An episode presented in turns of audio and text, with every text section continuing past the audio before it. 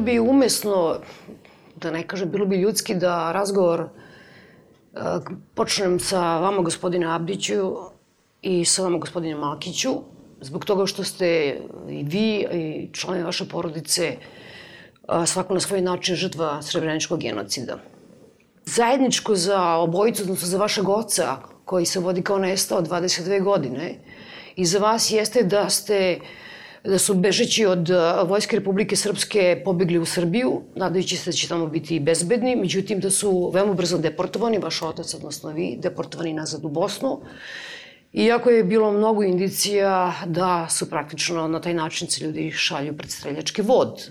Fond za humanitarno pravo je napravio ovaj najnoviji dosije upravo o izbeglicama iz Srebrenice koji su pokušali da nađu utočište u Srbiji i potom bili deportovani uprkos svim konvencijama međunarodnim. Međutim, dakle, molim vas za razumevanje što ćemo početi razgovor sa Nemanjom na kratko da za ono ko ne zna, ko nije hteo da zna, ko je zaboravio, da kažemo šta je prethodilo tom konačnom, tako da kažem, napadu na Srebrenicu. Ako govorimo o Srebrenici, ja mislim da ne možemo da ne krenemo od 92. a ne od 95. Srebrenica je bila meta Vojske Republike Srpske zato što je ona bila deo sprovođenja jednog od šest strateških ciljeva koji su ustanovljeni najkasnije 12. maja 92. i Srebrenica je jedna od nekoliko enklava koja je u toj istočnoj Bosni uspela da se održi i da ne padne u ruke Mladićevoj vojsci i to je bio, bio izvor e, stalne frustracije Vojske Republike Srpske e, i Mladića i Karadžića. To je ono što prethodi tom 11. E, julu kada Vojska Republike Srpske ulazi u enklavu i od, od tada pa nadalje stvari se dešavaju vrlo brzo i vrlo brzo će rezultirati doslovno brisanjem bošnjačkog stanovništva sa tog dela istočne Bosne. Za samo dva dana deportovane su sve žene i deca prema Tuzli. Uporedo sa tim se odvajaju muškarci koji su bili u potočarima sa ženama i decom i hapse i zarobljavaju oni koji su pokušali da pobegnu i od 13. do 16. su se odigrala praktično sva masovna streljanja Nakon toga nastavlja se potera i nakon toga svi koji su pronađeni ubijeni su na nekim drugim lokacijama i deo tih ljudi koji su bežali uspeli su da pređu na teritoriju Srbije, da pređu reku.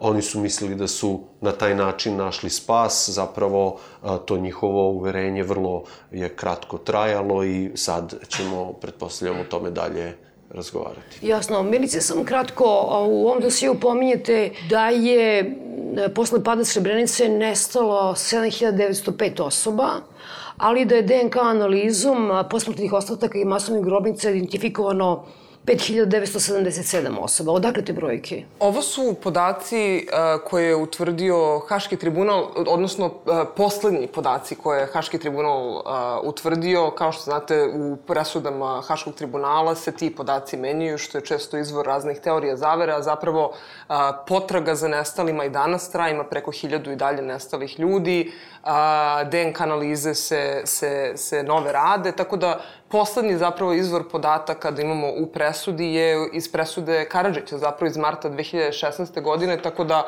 gotovo izvesno je da su već danas te broj, brojke nešto, nešto drugačije. Pristup Haškog tribunala je, je, je takođe poseban, budući da je to jedno pravno telo. Njihova metodologija je da uzmu zapravo sve podatke, oni su koristili podatke Međunarodne komisije za nestala lica, patologa, antropologa i svih tih istraživanja i pokušali su da sublimiraju ono što pravo, a pravo uvek minimalističko, kaže to je neki minimum. Zato, zato mi zapravo odgovorimo minimalnim ciframa.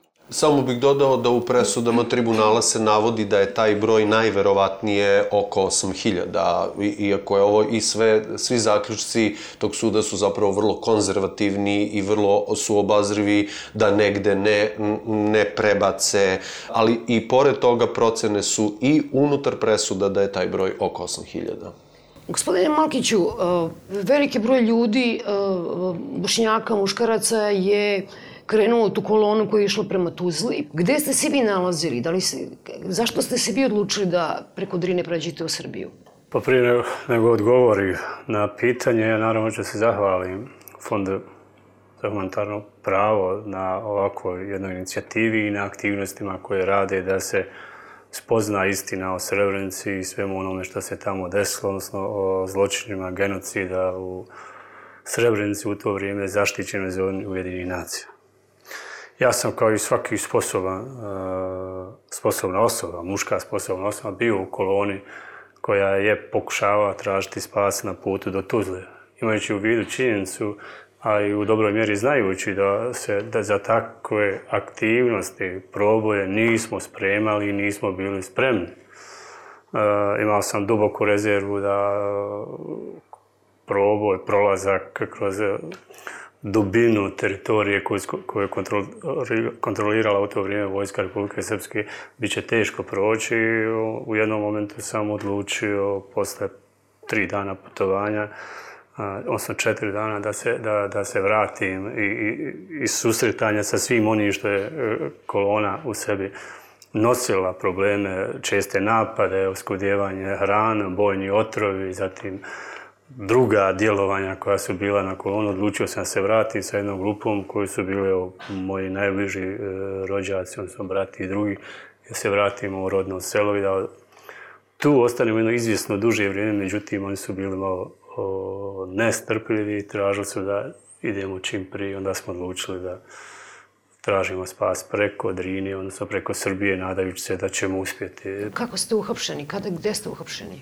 Drinu smo prešli 21. na 22. Prešli smo Drinu, onda smo oko, pored Bačevaca, odnosno na Pašinoj ravni, uhapšeni od policije, od policije Republike Srbije i vraćeni u Bajnu baštu, policijsku stanicu i tu smo ispitivani, maltretirani, tučeni. I ove ožiljke što imamo po glavi su u posljedica njihovog ponašanja prema mene su prevaspitavanja. Kako A šta su htjeli od vas? Tražili su da se prizna činjenica da smo bili pripadnici armije BiH, kako smo naravno, na, navodno mi činili zločine i tražili su od nas da kažemo ko su nam saradnici, odnosno suradnici na prostoru Srbije. Naravno, mi nikoga nismo tu imali, mi smo o, neovisno se odlučili krenuti. Ja smo imali neke telefone od prijatelja prije ratnih, ali ni, nismo komunicirali s kim. I to je bio osnovni motiv i naravno želja da, za osvjetom. Pričao sam njima dok sam putovao u autu ovamo da u svom tom teškom stanju ima i dobrih ljudi. Da je sin od mog kolege koji je sa mnom radio u firmi ponudio nas i da jedemo, koji je također bio policajac i obezbijedio nam neke sendviče, dok su nas drugi istovremeno u, u tom momentu i maltretirali i tuk. Gospodine Avdiću, vi ste već pre pada Srebrenice bili, koliko sam razumela, u Tuzli sa majkom i sa sestrom, a otac vam je ostao u Srebrenici, je li tako? Kako ste se vi razdvojili? Kako je došlo toga da se razdvojite? Pa, u vrijeme pada Srebrenice ja sam bio dječak od nepunih 14 godina i sa majkom i sestrom sam izašao u konvoju UNHCR-a 1993. godine, 30. marta, dakle, kada je bila ofanziva Vojske Republike Srpske na Srebrenicu i kada su mladićeve snage, to je četničke snage, su već bile na samom ulazu u, u grad. E, mi smo tada, dakle, na vlastitu odgovornost, kada je stigao konvoj sa hranom, popio se na kamioni, krenuo što nam, dragi Bog, da. I hvala Bog, dakle, stigli smo u Tuzlu 93. godine. Babo je ostao u Srebrenici. Samo što smo imali sa babom u tom vrijeme kontakte, smo imali putem radio amatera i putem Crvenog krsta. A da li i na osnovu čega možete pretpostaviti ili znate šta se sa njim dogodilo? Prvi zvančni dokument, pisani dokument, sam ja dobio, ovaj, čini mi se, 16. marta prošle godine, dakle 2016. godine. E, mi smo imali informaciju od samog početka, e, kada je pala Srebrenica i čelo kolonije, tako da kažem, kada je stiglo, imali smo već neke informacije gdje su ga vidjeli. Da bi nekoliko dana posle toga dobili informaciju i da je živ zarobljen. Međutim, sve te informacije su bile poluinformacije, odnosno glasine. Bilo je i nešto što je tačno, ali bilo dosta dezinformacija i što je što je laž. Na tragu tih informacija je mama 96. godine u, u krajem mjeseca decembra odlučila se na, na korak da ode u Bijeljinu da pokuša da ga spasi. Dobila informacije da je zarobljen, da je, da je bio u Srbiji, da je iz Srbije e, prebačen, što je bilo da je se zadnji trag gubi negdje oko Vlasenici. Dakle, pokušavali smo, dakle, tragali smo da nađemo, ali to je sve bilo ono čula kazala. Da bi prošle godine dobio prvi e, zvanični dokument u kojem se kaže da je Babo 31. jula 1995. godine isporučen zvanično od MUPA Srbije prema graničnoj policiji Republike Srpske, a zatim od strane granične policije RS-a prema vojnom bataljonu prve bratnačke lake pješadijske brigade i ono što sam ja uspio još da saznam da nezvanično, da svi oni koji su na taj način deportovani su uglavnom uh, upućivani iz Bratonca prema Vlasenci, to jest prema Sušici gdje je bio logor 92. godine. Koga ste vi tražili pomoć da bi ste eventualno saznali precizno šta se desilo sa vašim ocem? Mama je pokušavala i preko tad komisije za traženje nestalih zarobnih namor Maše, Križan Crvenog krsta. Dakle, sve su to bile, znači, gdje se obraćao, ali svi ste tražili neki pisani trag, nešto konkretno, jer je to sve bilo zasnovano na, na glasini, hajmo tako da kažemo, čula kazala, jer niko nije imao ništa e, opipljivo. I da bi 2016. godini uh, uh, me također babin kolega i prijatelj koji je prosjetni radnik Ahmo bio, nazvao telefonom, rekao, jel te zvao taj čovjek, ima sve informacije koja zma zarobio, odnosno koje ga proslijedio, gdje ono, ja sam u tom trenutku bio u šoku. I on, imaš prije toga informacije ove koje imaš i odjednom te čovjek zove i kaže imaš sve to. I taj čovjek koji je došao do ovog podatka, dakle, od znači, zvančnog dokumenta MUPA Srbije koji je izuzeo Haški tribunal, je zapravo bio čovjek koji je poznao moga babu, znao ga kao Azema učitelj, ali nije znao kako se preziva. I onda je pitao Ahmu, je li to taj učitelj, imam dokument. I onda mi je ustupio sve to. I zahvaljujući sudbinu Musiću iz Prijedora koji je bio u udruženju logoraša Prijedor 92, čini se kako se već e, zove, me spojio sa Marijanom Toma, jel tako, neću pogriješiti mm -hmm. ovaj. Međutim, Marijana mi je rekla da je ona negdje već otputovala i uputila me na Milicu Kostić. I tako smo se čuli, proslijedio sam dakle ove dokumente i eto, tako smo dakle došli u u kontakt sa Fondom za humanitarno pravo. Kada je zapravo Muhamed nas kontaktirao prošle godine, 2016. mi smo odlučili da, da to dalje istražimo i onda smo počeli zapravo sa bazom Haškog tribunala. Ovi događaji kojima se dosije bavi, deportacija, ljudi iz Srebrenice koji su pokušali pobegnuti teritoriju Srbije nisu, nisu prosto poznati javnosti. Ta dokumenta postoje, ali to su to je nekolicina dokumenta među desetinama hiljada koji su dostupni preko te te baze podataka. Nijedan sud sad to nije posebno istraživao da bi neko mogao to da pribavi, nego smo zaista tragom Muhamedovog uh, oca uh, Mi smo tu našli dodatna dokumenta koja se tiču njegove sudbine i to je zaista taj, taj neki šablon koji smo videli posle kod, kod svih žrtava, da te operacije su podrobno dokumentovane. Tako da mi smo počeli tako da istražujemo taj slučaj i onda se smo pronašli još dokumenta, još dokumenta i mi smo uspeli da pronađemo tu zvaničnu, autentičnu dokumentaciju koju dokumentuju 30 ljudi, 30 sudbina. Ja sam sigurna da je tih slučajeva bilo više. Mi nemamo dokumenta za to, mi nemamo dokaze, upravo zato što se niko time ba nije bavio. Nijedan sud se time nije bavio, nego ovi, ova, ova dokumenta su se, su se pojavljivala tako sporedno u nekim slučajevima. Od tih 30 a, ljudi, među kojima je Muhamedov otac i, i gospodin Malkić, šestoro je a, ljudi preživelo. To je, to je ta grupa u kojoj je bio gospodin Malkić i to je jedinstven slučaj. Oni su predati zajedno i to su jedini koji su preživali da mi znamo. 15 ljudi je pronađeno u masovnim grobnicama i devet osoba se dalje vode kao nestale, među kojima je Muhamedov otac mi na bazi dokumenta koje imamo pretpostavljamo da su svi ti ljudi bili, bili zarobljeni. Od tih 15 ljudi koji su pronađeni u masovnim grobnicama, 12 ih je pronađeno zajedno u jednoj masovnoj grobnici, dakle masovna grobnica koja je bila namenjena samo za njih. Na osnovu izveštaja patologa, takođe posrednim putem smo došli do informacija da su ti ljudi ubijeni na licu mesta pored grobnice, da su bili vezani u parovima, po, znači njih šest po dvoje.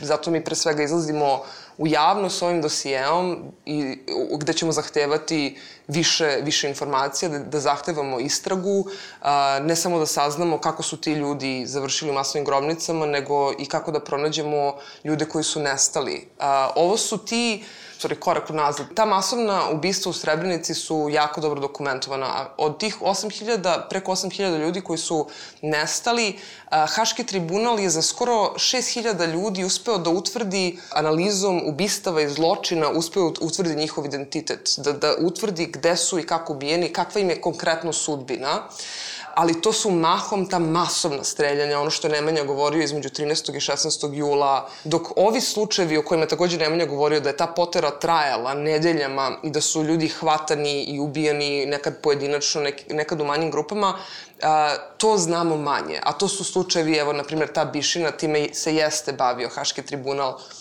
ili ubistvo uh, u Trnovu, Škorpioni, to je takođe spada u te grupe, ali uh, za njih u ovom trenutku imamo i manje informacija i ovi slučajevi o kojima mi danas govorimo su zapravo oni koji su izašli iz tog plana masovnih ubijanja, koji nisu bili tu odmah na početku uhvaćeni, pa su mogli biti sprovedeni za ta masovna ubistva u, u hiljadama. Zapravo mi se nadamo da je, ovo je apel da se bavimo i njihovim sudbinama i da pokušamo da utvrdimo šta se njima tačno dogodilo. Žepe pala relativno brzo, I mi smo napravili takođe emisiju sa vama, tako, o tim logorima Šljovice i Mitrovo polje. 800 bošnjaka je pre, prešlo u Srbiji. Međutim, očigledno je da je došlo do neke promene u tih nekoliko dana. To je odlično pitanje. Zapravo, od prvog osmog više nema ovih slučajeva. Do prvog osmog se dešavaju deportacije i e, mi ovde uočavamo jednu matricu, o tome smo već sad ovde govorili, sve deportacije dešavaju se po istom principu, dakle hapšenje, predaja graničnoj policiji, pa onda predaja graničnoj policiji Republike Srpske, potom e, vojsci Republike Srpske. Kad god postoji matrica, to je siguran znak da iza toga stoji država. Kad god postoji presek, kao što se ovde dešava, to je siguran znak da iza toga stoji država, dakle promena u, u pristupu. Ta promena se odigrala tako što je Slobodan Milošević odlučio pod pritiskom međunarodne zajednice i postoje dokazi o njegovom sastanku sa Karlom Biltom i on je tu zapravo video šansu za pridobijanjem simpatija ako pokaže jednu navodnu velikodušnost što se onda kasnije dešava sa ljudima iz žepe. Kada je Beara, ima taj uh, jedan presretnuti razgovor, kada je Beara pukovnik tražio uh, ljude iz žepe da mu vrate preko granice, dakle od Srbije, njemu je rečeno, i on to govori u tom jednom presretnutom razgovoru, da to sada ne može i da je e, odluka došla od najvišeg. Vrlo je izvesno da je taj najviši vrlo dobro znao da se, šta se dešavalo i tog, pre tog prvog osmog i da se zapravo, da zapravo iza cele ove stvari stoji država Srbija. Na kraju krajeva, ti policajci ne bi mo mogli da tako rutinski sve to odrađuju i, i, da, i da znaju da krše e, konvencije, da krše pravila međunarodnog prava tako što vraćaju ljude da I iza prava. toga i domaćeg prava naravno da iza toga nije stajala država u tim izveštajima primećuje se jedan, jedan e, suvi birokratski rečnik koji u nekim situacijama je zaista ima jednu dozu e, cinizma. Govori se o tome da su ljudi ilegalno prešli granicu kao da je sada ilegalno su prešli granicu između Norveske i Švedske, pa se sa švedska policija čudi. Kaže, nemaju važeće putne isprave, niti vize trećih zemalja. Mislim, do koje mere taj cinizam išao i kao, eto, što sad mi da radimo, nemaju vize, moramo da ih vratimo i e, da li bi isto e, tako postupili da se radilo o srpskim izbeglicama, a, a da ih sada vraćaju u ruke armije Bosne i Hercegovine i da kažu pa šta, nemaju vize. Ovde je očigledno da se radilo o savezničkim a, e, snagama bezbednosti, koje su već po uigranoj rutini saradnje od odradili, da iskoristim taj izraz, i, i ovaj posao i doprineli uništavanju sudbina još najmanje, evo, ovoliko porodica koliko smo mi ovde naveli, a verovatno je taj broj veći. Ja znam dosta još osoba koje su imale hajde da kažem, sreću u nesreći da ostanu i žive, ali dosta osoba koje su ostale u Srbiji na sličan način, koje su deportovane pa i dalje nema. Dakle, još ima tu osoba koje, koje ja lično znam. Ovo je zapravo velika sramota srpskog pravosuđa što ovo nikada nije ni, ni, ni načeto, niti bilo kakva pokazana namera da se izvrši istraga. Da jeste, mi bismo sada imali mnogo više od ovoga što imamo. Ovo smo objavili da dođe do, do javnosti i nadamo se da će to stvoriti neki pritisak da se, da se razgovara na, na ovu temu. Ne znam da li je to naivno očekivanje, budući da nije da do ovog dosija nismo znali za ulogu Srbije u ratu u Bosni i Hercegovini i u genocidu u Srebrenici. Preko decenije imamo podatke o, o a, ogromnoj pomoći koja je, koju je Srbija a, davala a, oruženim snagama a, Republike Srpske, takvog obima da, da je nije bilo mi vrlo verovatno ne bismo imali Pa mislim da je slobodno reći, ne bismo imali genocid. Mi imamo bezbroj podataka kako govori e, novčana pomoć, pomoć u ljudstvu, penzije, plate koje su se plaćale iz, iz Beograda, naoružanje. Mi imamo dokaze o tome da su u Srebrenici su nađene čaure koje su proizvedene u Srbiji. Dakle, sve to već postoji. Tako da je možda naivno očekivanje da će ovo nešto promeniti, ali a, ja mislim da hoće. To je moja nada, jer da nemamo tu nadu ne bismo ovo ni radili, jer ovde govorimo o ljudima i ovo je u tom smislu, ja mislim, jedan od, uh, kako kažem, jedan od najintimnijih dosijeja kojima se fond bavi, jer mi govorimo o 30 ljudi gde, gde mi dokumentovano da su, oni su imali sa sobom porodičnu fotografiju i makaze za nokte i, i ličnu kartu i, i, i slične stvari. Ovo su ljudi Ljudi koji su dolazili iz Srebrenice su, su tamo proveli godine u užasnim humanitarnim uslovima.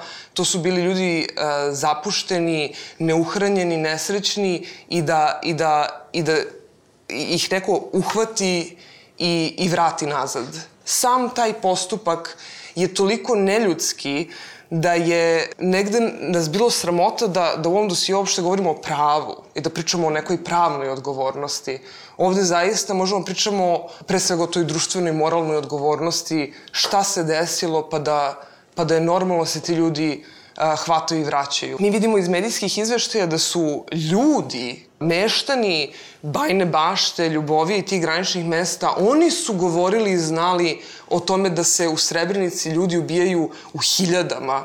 O čemu onda govorimo šta su znali granični uh, policajci koji su svakodnevno bili u komunikaciji sa svojim kolegama. Naravno, naravno. I na primjer, u dosijeu se bavimo a, a, kršenjem konvencije o izbeglicama. Sad više ne govorimo o ljudskosti a, tih graničnih policajaca, mi ne govorimo o informisanosti tih policajaca. Oni su imali jasnu, suprotnu obavezu. To nije, oni nisu, od njima nije bio šablon da te ljude hvataju i vraćaju. Ne, oni su imali obavezu prema međunarodnom i domaćem pravu da a, te ljude, a, ako ih ispituju, ne da ih zlostavljaju, ispituju pripadnicima armije BiH, oni su trebali da ih ispituju o tome e, šta se njima dešava. I da I... saznaju da li im preti opasnost u slučaju tako vraćanja. Tako je, tako je. Da ih tretiraju kao zarobljenike. Tako je. Da, da, da. Da li se uopšte nečemu nadate kad ste došli ovde u, u, u Beograd ili od srpskih vlasti? Šta je to što vi mislite da bi možda moglo da bude učinjeno, ne, a, da, a da imate neku malu satisfakciju? Pa moje očekivanje jeste da, da ne lažu. Da ne uvijaju ono što je očigledno. A to je očigledno da je zvanično granična policija MUPA Srbije deportovala moga babu direktno zločincima i direktno, znači, na ovaj način e, nisu samo ti pojedinci koji su isporučili mog baba, mog babu, isporučili na svoju ruku. I zato što su oni bile Risto Šeovac, nego zato što je Risto Šeovac bio službenik granične policije Republike Srbije, odnosno komandir graničnog mjesta.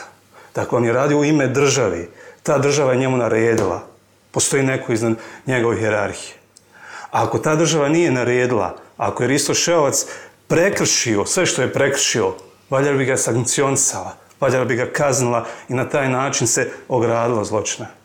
Naprotiv, ništa nije uradila. Ako, ukoliko pogledaju istinu u oči i to zaista, to je samo jedna mala satisfakcija za mene lično, mog babi nema, pa nema 20 godina, odnosno 22 godine. I, i, i, pitanje hoću li ikad naći, hoće li se ikad identifikovati, hoće li imati priliku da ga dostojno ukopam i, i, i da, da njegove unuci koji nisu imali priliku da ga upoznaju da bare znaju gdje je grobno mjesto njegovo. Ukoliko se nastavi i dalje negiranje toga, onda je to je potvrđivanje samo zločina u kojem su učestvovali. Kada ste malo pripitali na koji način smo ga još tražili, e, ja sjećam 96. mama kad je otišla u Bijeljnu da su joj rekli da je Aco Tošić koji je bio prosvjetni radnik i u SIZO tad radio u Srebrenici, da je on prvi koji se s babom sreo u Bajnoj bašti. Ja tog Acu Tošića čisto znam ovako po imenu, nikad ga nisam sreo. 2009. godine, pošto radim u opštini, kolegnica Božana kaže, ja vidi Acu Tošića što je propao.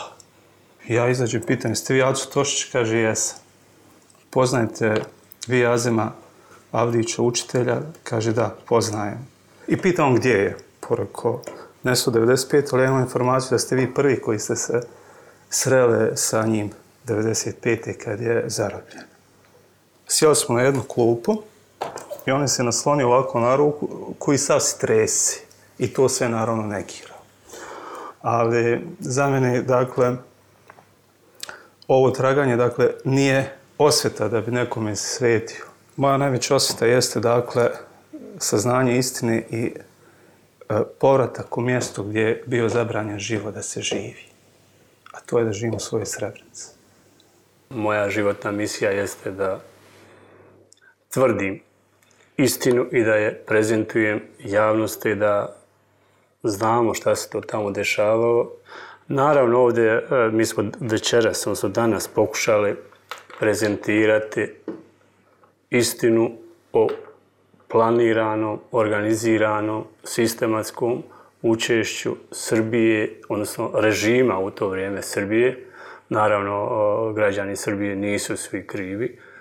E, sistematskom dakle, učešću Srbije u planiranom zločinu koji, e, nad građanima, prije svega Srebrenice, u to vrijeme zaštićene zone, a i ranije, kroz e, ove deportacije. A ono što posebno želim istaći, dakle, obzirom da građani to u dobroj mjeri ne znaju ili nisu upućeni, jeste da treba istaći činjenicu da je u mome selu ubijena tri pripadnika Niške specijalne jedinci.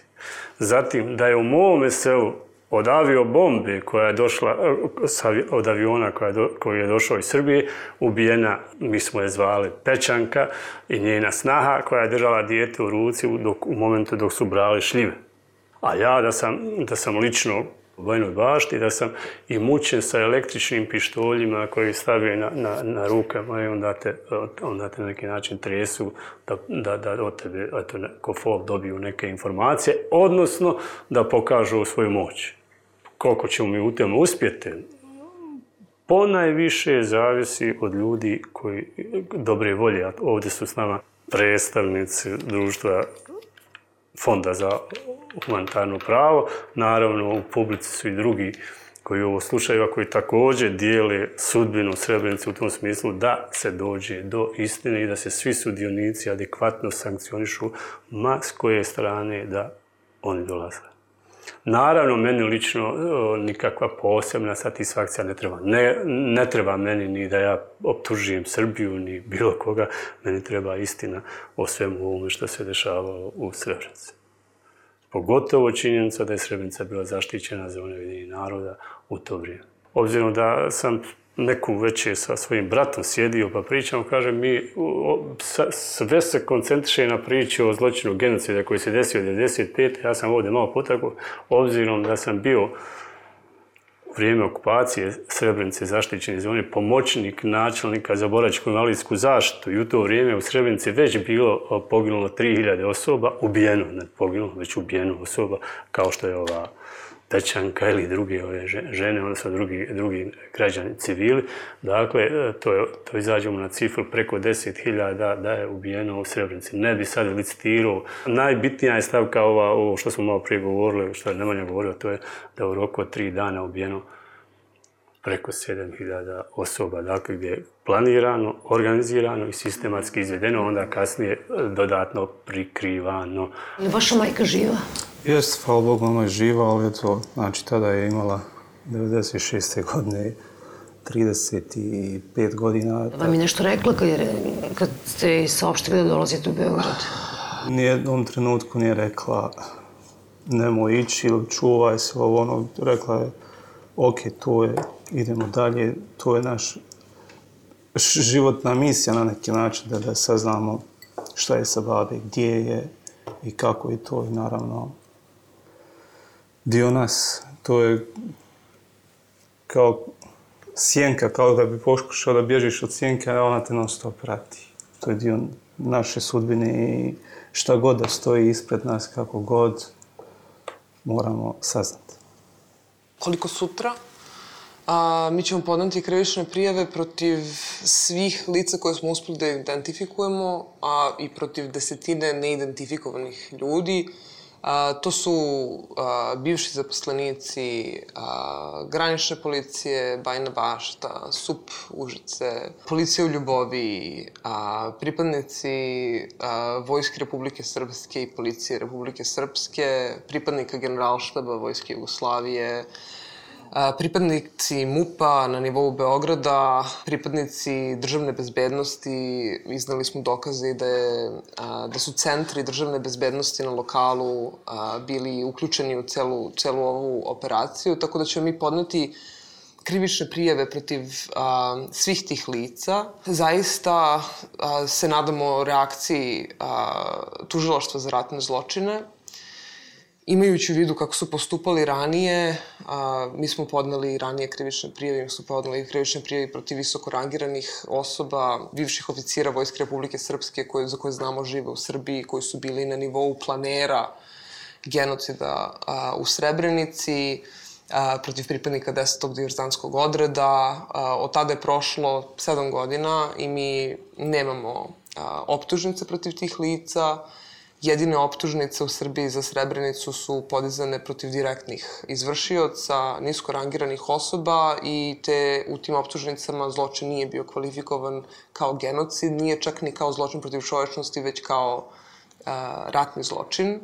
Mi ćemo zahtevati i kontinuirano vršiti pritisak da se pokrene ovaj postupak. Svi koji su bili uključeni u ovu operaciju moraju krivično odgovarati, to, to je, to je apsolutni minimum, ali to je pre svega korak da mi se pozabavimo temom šta se desilo u Srebrenici posebno, ali uopšte u ratu u Bosni i Hercegovini, šta je Srbija radila. Ona je pred Međunarodnim sudom pravde po tužbi Bosne i Hercegovine se izvukla uslovno rečeno, e, tako da rečeno nije, nije počinila, nije podsticala, nije pomagala genocid, već da ga nije samo, da ga nije sprečila a, i da nije a, odgovorne procesuirala A, mi ako pogledamo presude Haškog tribunala, a, pre svega tu govorimo o Perišiću, bivšem načelniku generalštaba Vojske Jugoslavije, oni su svi izvukli